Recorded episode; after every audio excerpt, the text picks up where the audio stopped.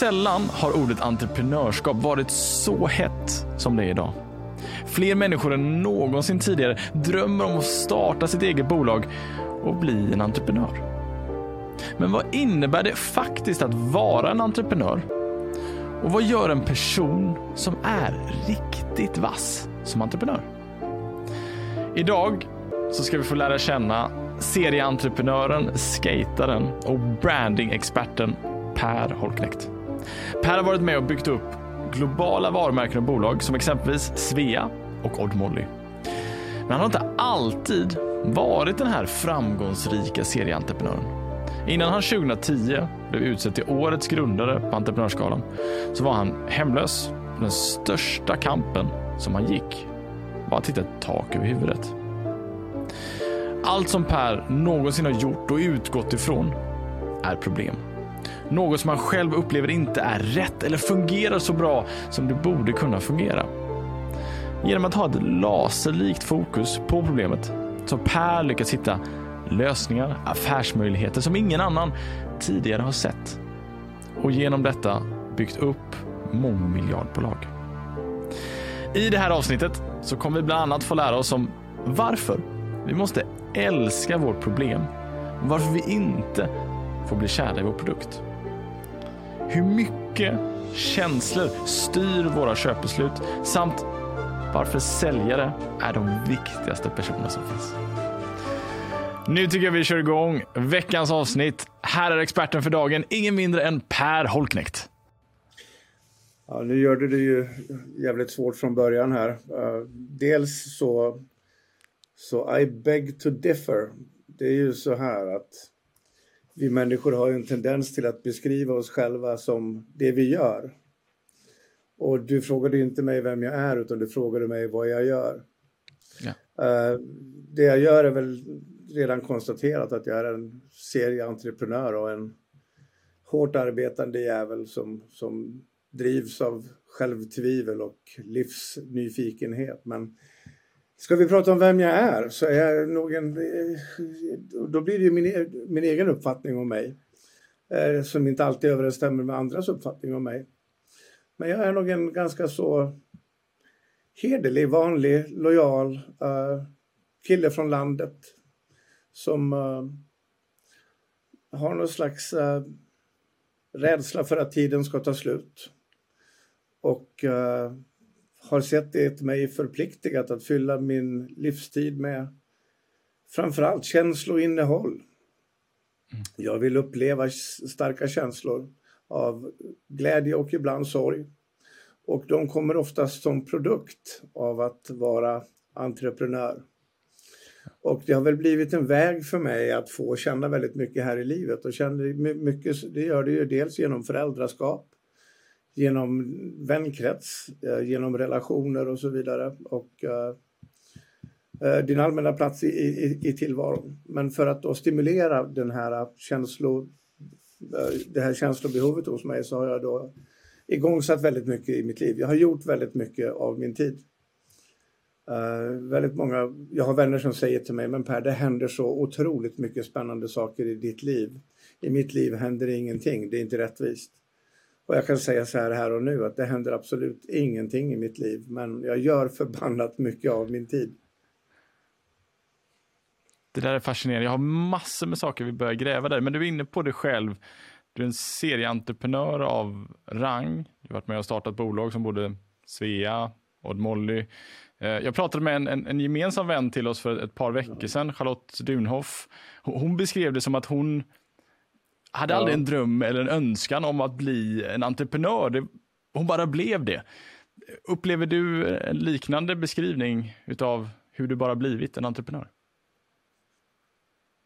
Uh, ja, det kan jag väl säga eftersom vi människor vi har ju två olika vägar att vandra runt här i livet. Ändra så lever vi i en förskapt liten mekanisk fyrkant som inbegriper då de traditionella elementen litteratur, kultur, musik, löpning, träning, eh, titta på konserter, tv och dricka vin med vänner på fredag. Gärna jättemycket ur Tetra dessutom. För vi har ju ändå lidit hela veckan eh, för att få dricka vårt vin på fredag.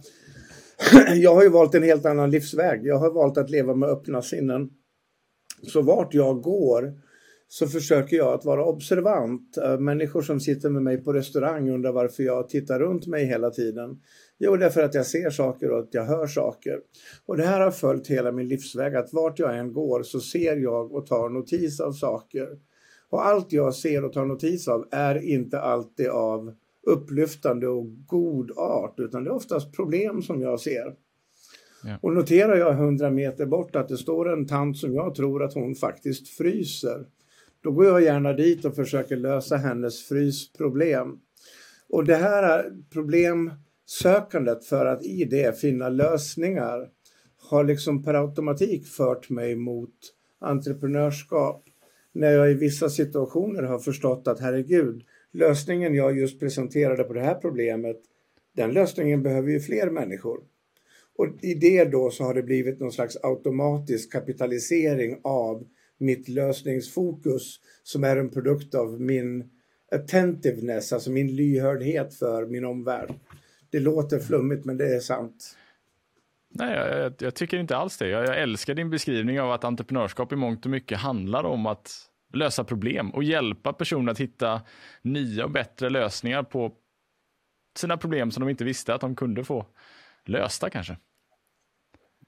Ja, men alltså, jag älskar ju, jag ja. älskar ju problem. Liksom, jag, jag, har någon slags probleminventering av mig själv. Om någon kommer fram till mig och säger men fan Per, du är ju fördomsfull.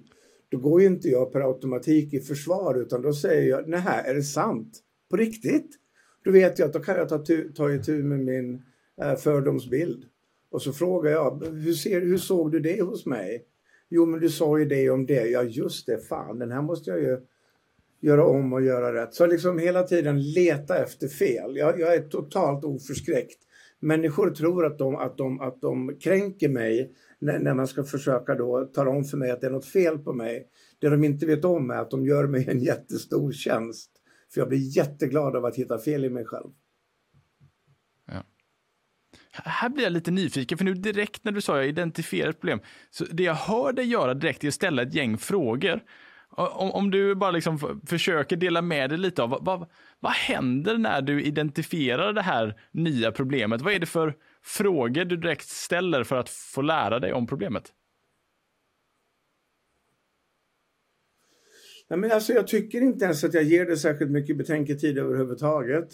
Utan liksom jag går dit och sen så tar jag tag i saker. Sen så får vi liksom städa upp efteråt lite grann. Och, och jag kan bara dra några små exempel som är sprungna ur min egen verklighet. Um, när jag då i början av 2000-talet kom tillbaks till en plats i livet som var, som var relativt sund och värdig. Uh, efter en tid i, i, en svår tid i mitt liv när jag bland annat då levde som hemlös. Så kom jag in i en, en, en livsbild där jag levde väldigt nära kvinnor, det vill säga min kära mor, uh, min fru och min lilla dotter. Och jag tog notis av hur mina tre mest älskade kvinnor i världen, uh, hur man påverkades av media, hur man påverkades av kvinno eller flick eller damtidningar eller vad så. Och, och jag kände liksom att herregud, varenda gång de här kvinnorna kommer i kontakt med eh, kvinnomedia så förminskas de. De känner sig dåliga, de känner sig fula. Och då kände jag, men herregud, det måste finnas en kraft som går ut och, och ge kärlek till de som känner tvivel när det här kvinnoelitismen då manglas ut genom eh, damernas värld och vad det nu så må vara. Och då beslutade jag mig för att jag måste starta ett movement som, som, som kommer åt problemet så att fler kvinnor får känna sig vackra. Så, så att alla kvinnor får känna sig vackra, nyvaken på sängkanten, rufsig i håret, att få vara som vackrast då. Så jag byggde någon slags slagträ i mig som jag sa, det här måste jag bara ta tag i. Jag tog det som mitt personliga jävla ansvar av kärlek för min familj. Och då tänkte jag, jag måste också finna då en farkost för mina värderingar. Jag måste hitta ett vässel. Och då så eftersom jag då har en lång historik i modebranschen så tänker jag varför inte låta ett klädvarumärke bära mina värderingar och leverera det till marknaden. Och där föddes då Odd Molly på det här viset. Så att eh, det är liksom sprunget ur direktkontakt och närvaro och känsloreaktioner på någonting som gör att jag vill skapa någonting bättre. Vilket jag ju också gjorde. Vilket också visade sig vara ett bra move. Det blev ju väldigt, väldigt framgångsrikt. Och framförallt det som var coolt med det. Det var liksom att varje år som vi drev det här bolaget så kom det 5, 6, 700 kvinnor från hela världen till Stockholm och hyrde hela hotell tillsammans. För att de hade hittat kärleken till sig själva genom vårt varumärke. Och man skapade någonting då som hette Odd Molly Holics då, där man hyrde hela Hilton Hotel vid Slussen och man delade med sig av sina erfarenheter och sina gamla plagg och så vidare. Jag är extremt stolt över att lilla jag som är en liten jävla pinne i, i en stor jävla hög har lyckats liksom starta ett movement genom att göra på reaktion. Och där fanns det ingen betänketid för mig utan jag bara satte, satte båten i sjön och sen så åkte det iväg och sen så blev det miljardvärdering och så vidare. Och vi var ju liksom i hela världen. Ja. Ja, för eh, år 2010 så utsågs du och Karin till årets grundare på Entreprenörsgalan. Vad var det som gjorde dig och Karin till, till så ja. fantastiska entreprenörer i det här läget? Ja, men alltså, vi har ju fått höra, vi har ju fått höra många olika varianter på det där. Dels så har ju då eh, en, en, en, utbildningsform som heter IHM. De har ju då kallat mina kampanjer för att bygga det här bolaget för Sveriges mest framgångsrika kampanjer någonsin, alla kategorier. Så det var en kombination av det ihop med timing, ihop med att jag vågade ge min... Jag mötte en kvinna som jag förstod hade en fantastisk penna men som bara hade ritat på uppdrag av andra. Och jag tänkte att om jag ger den här kvinnan en möjlighet att släppa sin penna fri och jag paketerar den i hela min känslobild, då har vi någonting som är brännhett här. Så jag släppte Karins penna fri och den fick löpa precis som den ville på den känsla hon, hon, hon besatt. Och vi två tillsammans vävde ju det här lilla kornet då som vi, som vi, som vi liksom Uh, målet var att vi ville dela det vi gör med så många som möjligt. Prata om vad har vi gemensamt med människor. Ja. Samhället idag handlar till stor del om att prata om vad som skiljer oss åt. Uh, vi ville prata om vad, vad har vi gemensamt. Och om du som entreprenör ska gå ut och starta ett företag och rulla in någonting, fråga dig själv liksom, hur skapar jag någonting som förenar så många människor som möjligt. och inte bara särskilja sig från den andra genom att säga att vi har produktfördelarna A, B och C utan verkligen tala om gemenskap. Just det. Nu är det lite sorgesamt för mig för att Karin då, min kära livsbyggarpartner Karin, hon gick ur tiden förra året och tyvärr i, ja. efter korttidssjukdom. Så det, ja, så kan det bli. Ja. Podden fortsätter strax, men först några korta ord från oss bakom podden. Vilken effekt får dina utbildningar på dina deltagares vardag? Vilka nya beteenden och vanor skapar de när de kommer tillbaka till sin vardag efter din utbildning. Om du känner dig osäker på svaren på de här frågorna så har vi skapat Noli för dig.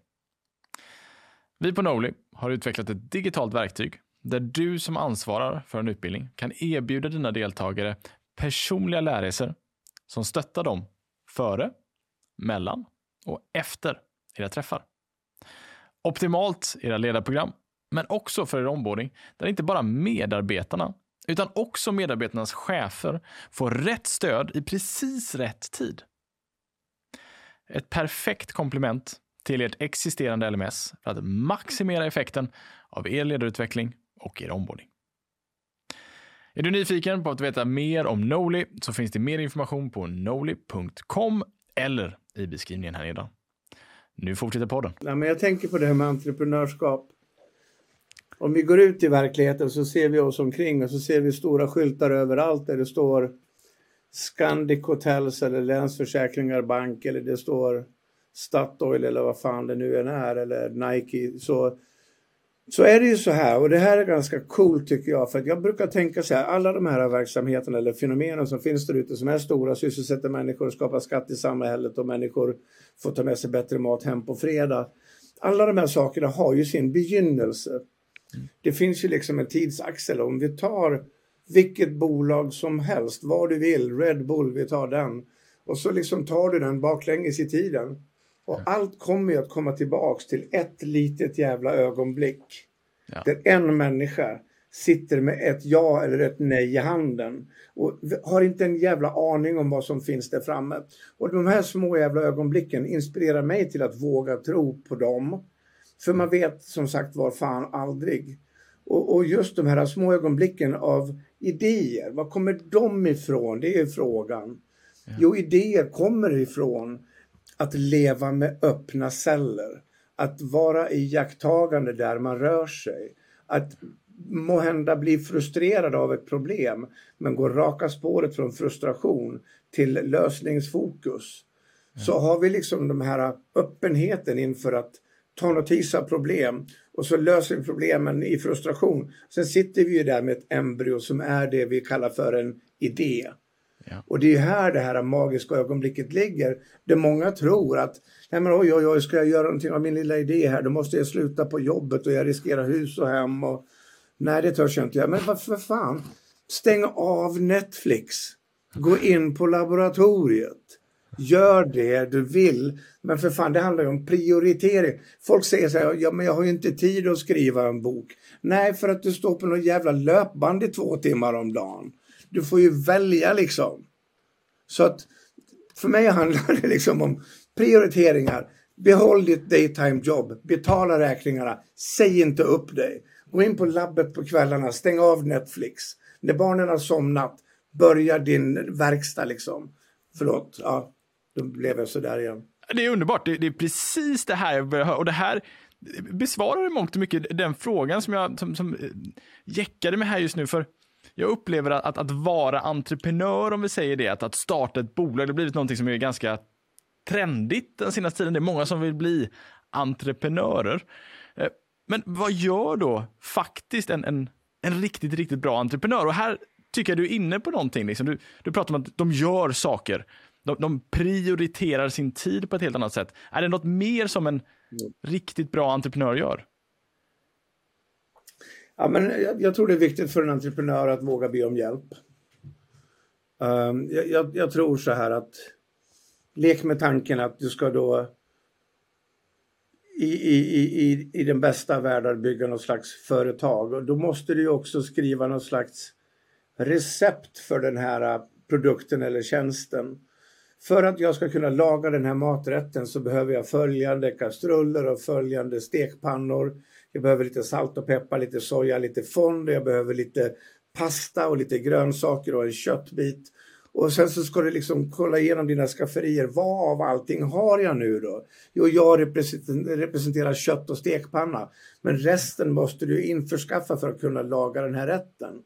Sen så har du ju möjligheten då i början av ett bolag, du, du har ju 100 procent och där är ju dina, dina procent är ju det kapital du kan använda för att införskaffa det du själv saknar. Så du kan gå ut och shoppa med hjälp av dina procent om du saknar kassa. För kassa är ju egentligen någonting som skrämmer jävligt många. Jag har inga pengar. Men det finns människor som har några spänn och som också sitter på den kunskap som du själv saknar. Så bygg för fan nätverk. Ligg ute i kanalerna, fiska, bygg en stor jävla bas med folk som du når med ett klick.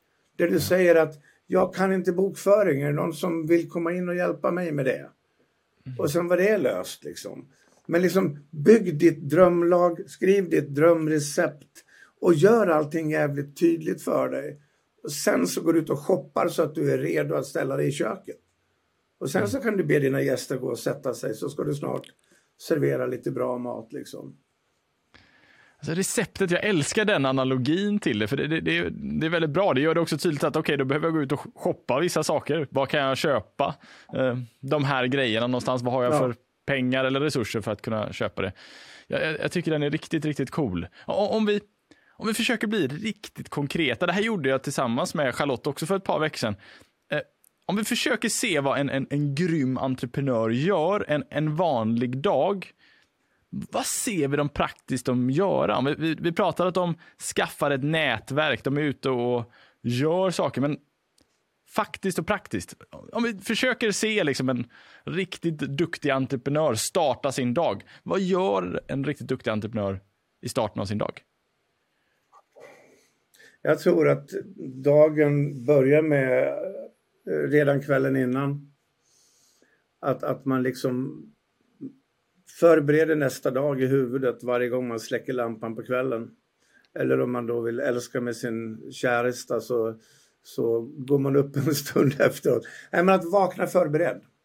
Ja. Att vakna redo att igångsätta planen ögonaböj. Att inte sitta där och, vänta på sina lagrar utan, utan eh, ja, men sätta igång. Så att man, du ska stå i startblocken när, liksom, när klockan ringer, du har druckit ditt kaffe, du har tagit din dusch, du har tagit din lilla meditation eller whatever. Men sen så ska du vara ganska tydlig på vad du vill göra. Idag vill jag lösa det här, det här, det här, det här, det här.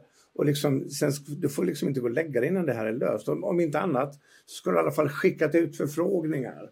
Jag älskar ju själv att skicka över saker på folk.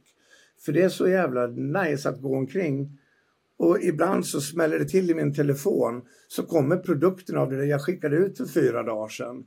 Jag, vissa dagar gör jag ingenting. Jag har noll planerat. Och det kan vara mina mest händelserika dagar. För då får jag tillbaka det jag skickade ut för en tid sedan. Så hela tiden mata på, ligga ute, lägg, ligga ute så. Och sen så måste man ju också börja fråga sig liksom för det första som entreprenör, du måste ju också det finns en fara med entreprenörer, det är att de A. tror lite för mycket på sin egen produkt. Och de har en övertilltro till intäkter, de har en övertilltro till, till eh, tidsaxeln. De tror, alltså man måste, den hugade entreprenörens tre bittra insikter är följande. 1. Det drar in mindre pengar än du tror. 2. Det kostar mer än vad du har tänkt dig. 3. Det kommer att ta mycket längre tid än vad du själv vill. Det är de här tre bittra insikterna. Om man bär dem med sig och, och presenterar saker för Almi på det viset så kommer de att tro på dig. Men de har ju slutat tro på de här överdrivna optimisterna. Ja.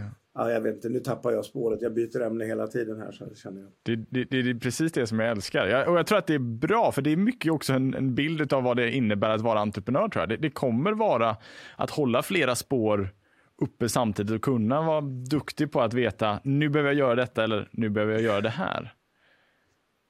Ja, sen är det också så här att även om man själv då älskar sin lösning på det problemet som man tror att fler vill ha. Ja. Så måste man ändå på något vis försöka förstå om det finns ett existensberättigande för den här produkten eller tjänsten.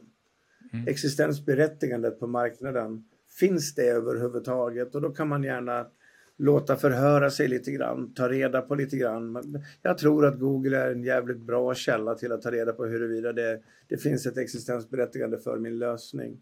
Ja. Eh, jag tror att många eh, entreprenörer överdriver marknadens uh, behov och mm. överdriver uh, marknadens förväntningar på den här produkten. Och framförallt överdriver marknadens kännedom kring det man har gjort. När du själv tror att alla vet vad du gör så tippar jag på att 0,003 procent av Sverige vet vad du håller på med och knappt det. Ja. Sen finns det en annan fara med entreprenörer. Det är det här att man, man har liksom lyckats trolla fram då den, den här lilla appen eller den här lilla uh, självkylande vattenflaskan eller vad fan man nu har gjort. Och sen så går man ut på marknaden så har man sånt extremt jävla produktfokus. Om man pratar bara om produktfördelar, bara om produktfördelar, bara om produktfördelar. Och om du bara pratar om produktfördelar då kommer du att falla kort. För du kommer att missa de två starkaste elementen i all, all, all entreprenöriell uh, i, i, igångsättningsmekanism och det är de två stora uh, slagtränare som heter då uh, branding, alltså marknadsföring och, och um, säljstrategi. Mm. Du måste ha en säljstrategi. Du måste, alltså, stackars säljarna som har fått någon slags dålig label på sig att säljare är ett jävla smetigt folk. Vet ni vad? Säljarna är det viktigaste vi har. Har du inte säljet klart för dig så kommer det inte att gå.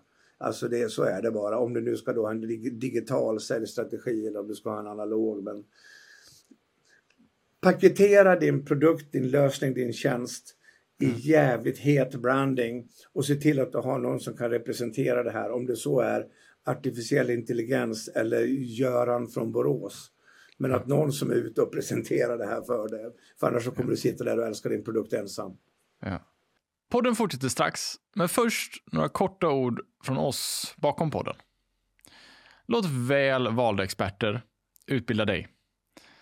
Docens erbjuder underhållande och inspirerande utbildningar för företag utan att göra avkall på kunskap och fakta. Du hittar kurser i populära Office-program som till exempel Excel, PowerPoint, men även specialkurser för olika roller på ert företag. Det kan bland annat vara stresshantering, sälj, presentationsteknik eller min egen kurs i hur du lär dig mer och bättre. Docents unika kursmall och specialanpassade verktyg underlättar för kompetensutvecklingen ute på företagen. Vill du och ni bli en lärande organisation så är Docens ett steg på vägen. Läs mer på docens.se eller i beskrivningen här nedan. Nu fortsätter podden. Jag hörde dig i en annan intervju beskriva något som jag tyckte var väldigt, väldigt bra.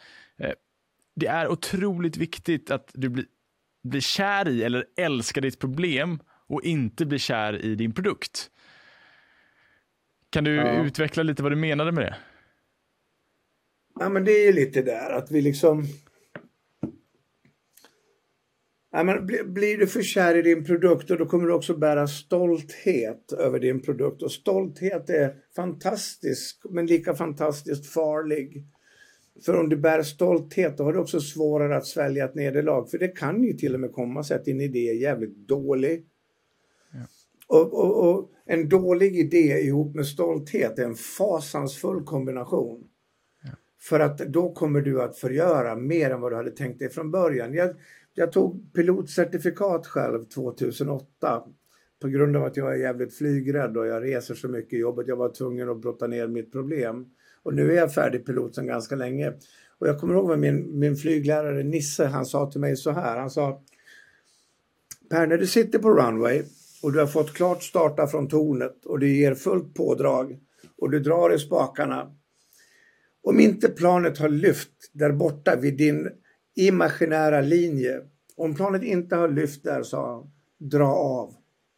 Ja. För annars kommer du att ligga i salladen. Mm. Och det här är lite grann en, en, en bra bild av entreprenörskapet också. Att man ändå har en linje där man känner att men nu drar jag av. Mm. Det är inte ett nederlag att lägga ner. Det är ett nederlag att ligga i salladen. Ja. Så att det finns ju statistik som berättar att långsiktighet i, i nystartade bolag är ju ett på tio. Så chansen är ju stor att din idé är faktiskt jävligt värdelös. Men du älskar den så jävla mycket att du vägrar att släppa. Och du kommer att dra med dig några finansiärer, förlora några kompisar på det längs vägen och sitta bitter i en hörna och dricka brännvin. Det är ingen bra idé. Så, så, så, så, så att, att liksom flytta över det här till att inte bara ha produktfokus utan förstå, har mitt brand en plats i marknaden? Kan jag tillföra någonting där? Jag brukar ha ett exempel och det här är jag nämnt på docenskurs tror jag. Och det är att, att om, jag brukar köra det jag kallar för termosexperimentet. Och det är då, lek med tanken nu Michel, att du gör en jättefin kromad termos. Mm. Och, och, du bygger ett företag på det här hemma i, i Ludvika eller var du nu håller hus. Och sen så vet inte du att jag, Per, jag håller också på att göra en kromad termos här hemma i Vasastan i Stockholm. Och det du och jag inte vet att det är att det finns 98 kromade termosföretag till i Sverige som håller på just nu och gör exakt samma sak. Och nu snart så öppnar Termosmässan i Sollentuna. Och vi är hundra utställare som kommer dit. Och vi har 10 kvadratmeter var. Och alla kommer dragandes med varsin kromad termos. Och utanför portarna så står det 10 000 inköpare med iPad och budget klar i vänster hand. Sen släpper man in inköparna. Då ska man som entreprenör fråga sig själv, hur ska jag få alla gästerna att köpa just min termos? För alla råkar ha satt exakt samma pris. Ja. Det är branding för mig. Mm. Hur får du människor att vilja köpa just min termos? För jag garanterar dig att vid mässans slut så har 20% av montrarna åkt hem med 80% av alla order och övriga 20 av, eller 80% av montrarna åker hem bittra med ingenting sålt. Ja. Det här är säljstrategi och branding. Ja. Paketerat på det mest tydliga exempel. För att vi har osynlig konkurrens i marknaden. Det finns människor som gör samma sak. Hur fucking jävla unik är jag egentligen? Ja. Jag gör en strumpa, titta på Happy Socks. De gör en strumpa med lite mönster. Men de paketerar det så jävla lysande. Ja. Det är bara en förbannad jävla strumpa liksom. Så att, ja, nu tog jag du, hela mikrofonen här. Du, nu, du gav ju mig ett fantastiskt råd här som entreprenör i början av podden när du sa en av de viktigaste sakerna man kan göra som entreprenör är att våga ställa frågor. Så eftersom jag nu ska försöka sälja min kromade termos på den här mässan så tänker jag ta ditt råd och ställa frågan Per, vad, vad ska jag göra för att faktiskt få sålt min termos här på mässan? Ja, du kan fråga Per, vad hade du gjort? Kan vad du hade du gjort Per? Tagit bort termosen. Mm. Vad kommer att ske när jag tar bort termosen? Jag hade... Ja, för det första så kommer folk att fråga varför du tagit bort termosen. För det andra så kommer några undra, går det så jävla bra att du inte ens behöver visa din termos? Och vi som hänger i montern, vi har jävligt roligt ihop. Mm. Men vi behöver inte ens fjäska och sälja våran termos. För folk fattar att det går bra för oss. Och så kommer man in och så pratar vi, ja just det, termosen. Och så skriver vi den. Så att, att, att visa att man inte är desperat, att man har ett varumärke som mår bra, som går bra, som kan skratta, ha självdistans och modet att ta bort termosen. Istället för att stå där i mässkofta och, och ge ut godis som det står kromatermos på och pennor som det står kromatermos på så har vi skitit helt och hållet i den där jävla termosen. Vi kanske sitter till bords och dricker bärs, vad fan vet jag. Nu dricker inte jag, men i alla fall. Vi bjuder gästerna på, vi kom in och drick bira för fan. Ja, just det, det var termosen, den hade vi glömt liksom. Så mitt råd är liksom, hur paketerar vi det här i känslor? För alla köp vi gör är en relation mellan mina känslor och det produktens varumärke står för. I alla köp vi gör, när jag väljer en Volvo eller jag väljer på Nike, det finns alltid en relation mellan mina känslor och det som produkten står för. Och Volvo, vi tänker säkerhet. Vi har barn, herregud. Och så känslorna för barnen, så ska vi paketera det i säkerhet till barnen. Eller så tar vi så här, ja, men jag är nog en ganska modig människa, det är jag nog, men jag orkar, jag törs inte riktigt leva riktigt jävla modigt egentligen. Men jag kan dricka en Red Bull, de är modiga. Mm. Ja. Och så vinner Red Bull över konkurrensen för att de signalerar modighet. Mod i ett varumärke är för övrigt en av de mest säljande ingredienserna. Mod och självdistans. Ett varumärke som inte tar sig självt på för stort allvar. Levererar vattentät produkt eller lösning. Och ja. representerar en viss skopa mod. Ja. Människor är modiga, människor vågar inte leva modigt. Så fort mm. någon är modig så tar vi rygg. Titta på lilla Greta, hon sätter sig mot mm. en jävla mur med en skylt. Modigt. Och helt plötsligt mm. så tar alla rygg på Greta så blir man lite Greta-modiga själva. Fast det, hon står ju för 100 procent av modet. Ja. Det jag hör direkt och det som direkt börjar liksom snurra i mitt huvud är just det här få bort övertron på produkt. Förstå att det är så mycket mer som får oss människor att fatta beslut. Välja mig som entreprenör, välja mitt bolag annat än att jag har gjort en grym produkt. Jag måste göra en grym produkt men känslorna kommer styra att de väljer min grymma produkt. Ja, men det är ju så. Och, och, och, det är ju liksom vid dagens slut så är det ingen skillnad på en Mercedes och en Skoda. Det, det, det är samma sak. Det är bara att i Skådan så sitter vi lite med, med, med häng i rygg och i Mercedes sitter vi raka i ryggen. Alltså det, det är branding om något. Men det är, ja. det är precis samma sak. Det är samma produkt. Du skulle kunna byta skyltar på dem, ingen skulle märka något. Men vi skulle sätta oss olika i bilen. Ja. Och det är, det är relationen till varumärket. Man känner sig lite, det har gått lite bra nu. Jag hade, jag hade råd med Mercedes. Det. Men det är bara varumärket. Det är bara brand. Bara brand. Hur gör du idag Per för att utveckla dig själv som entreprenör? Alltså vad har du för vanor och för taktiker för att lära nytt? Ja, nu, nu, nu kommer jag med en obstinat kommentar igen här, för jag, jag är trött på utveckling. Jag är inne i en avvecklingsfas. Okej. Okay. Ja, Vad gör du för att avveckla dig då? Folk är så... Ja, jag, jag, gör, jag tar bort saker ur mitt liv just nu som jag tycker stör min harmoni, stör min längtan efter att finna livsro. Så jag tar bort saker, rent konkret just nu. Jag, jag gör mig av med bolag, jag gör slut med kompisar, jag säger upp mig i olika typer av styrelser och uppdrag för att renodla mitt liv. Så att jag avvecklar alla de här sakerna som egentligen ska utveckla mig. Men jag tror inte på den här eviga jakten på utveckling. Där folk ska läsa komplex litteratur om, om, om, om you name it, om hjärnan eller vad fan det nu än är. och, och, vi ska springa på det där förbannade gymmet och springa omkring med en, en transparent vattenflaska med en grå sörja i. Liksom. Jag tror inte på det där. Jag tror inte på det där alls. Jag tror att det bara är så här att, att skjuta bullen framför sig. Mm. Jag tror att det är det, ganska det, många det, som hade gynnats av att avveckla saker. Ja, men att avveckla, det är liksom, vi har 100 procent vardera. Vi har ju fått 100 procent. Vi kanske har olika stora motorer. Ja. Men min motor, oavsett hur många hästkrafter jag besitter, är ju bara 100 procent. Mm. Nu har jag varit involverad i sju bolag de senaste två åren. Och du vet inte hur många uppdrag överallt. Och jag är ute och föreläser och icke desto minst så är jag pappa till en liten femårig tjej där ingenting får komma emellan mig och henne. Ingenting i mitt liv får vara viktigare än mitt barn. Mm. Möjligtvis jag då som ska ta hand om henne måste ju vara fantastisk. Ja. Men att jag håller på att ta bort saker ur mitt liv. Men kanske en normal, en normal människa hade nog känt att fan Per, han är inte klok så många saker som han håller på med. Uh, och det är jag kanske inte, men, men nu så, jag håller på att avveckla mig själv. Jag önskar att jag kunde ta bort information ur mitt huvud istället för att lägga till, lägga till mer information i mitt huvud.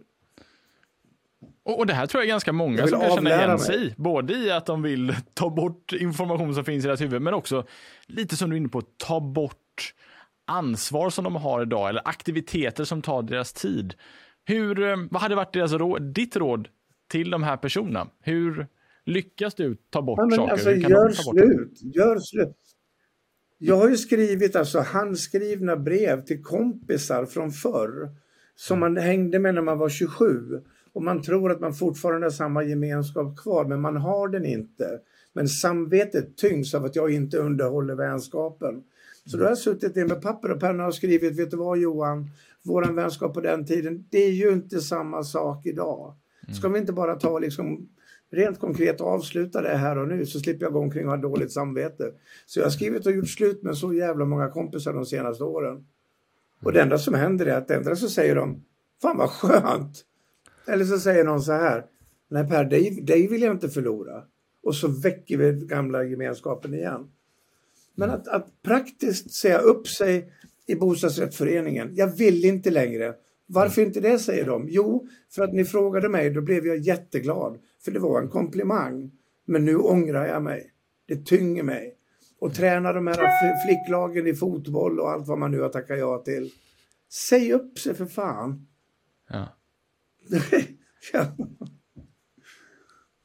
Våga renodla sig, våga göra en sak. Ja, lite grann. I alla fall i taget. Och sen så framförallt, sluta lyssna så jävla mycket på andra. Det, det. Det, det, är mitt starkaste råd om du är entreprenör. Sluta lyssna för mycket på andra. Ta reda på själv. Men människor som kommer till dig och ska berätta för dig om farhågorna pratar mest om sin egen rädsla. Ni delar inte den. Ni har olika inställning. För jag vet så här, hade jag lyssnat till alla goda råd jag har fått i hela mitt liv av välmenande människor så hade det inte hänt ett jävla skit. Jag hade inte fått någonting gjort.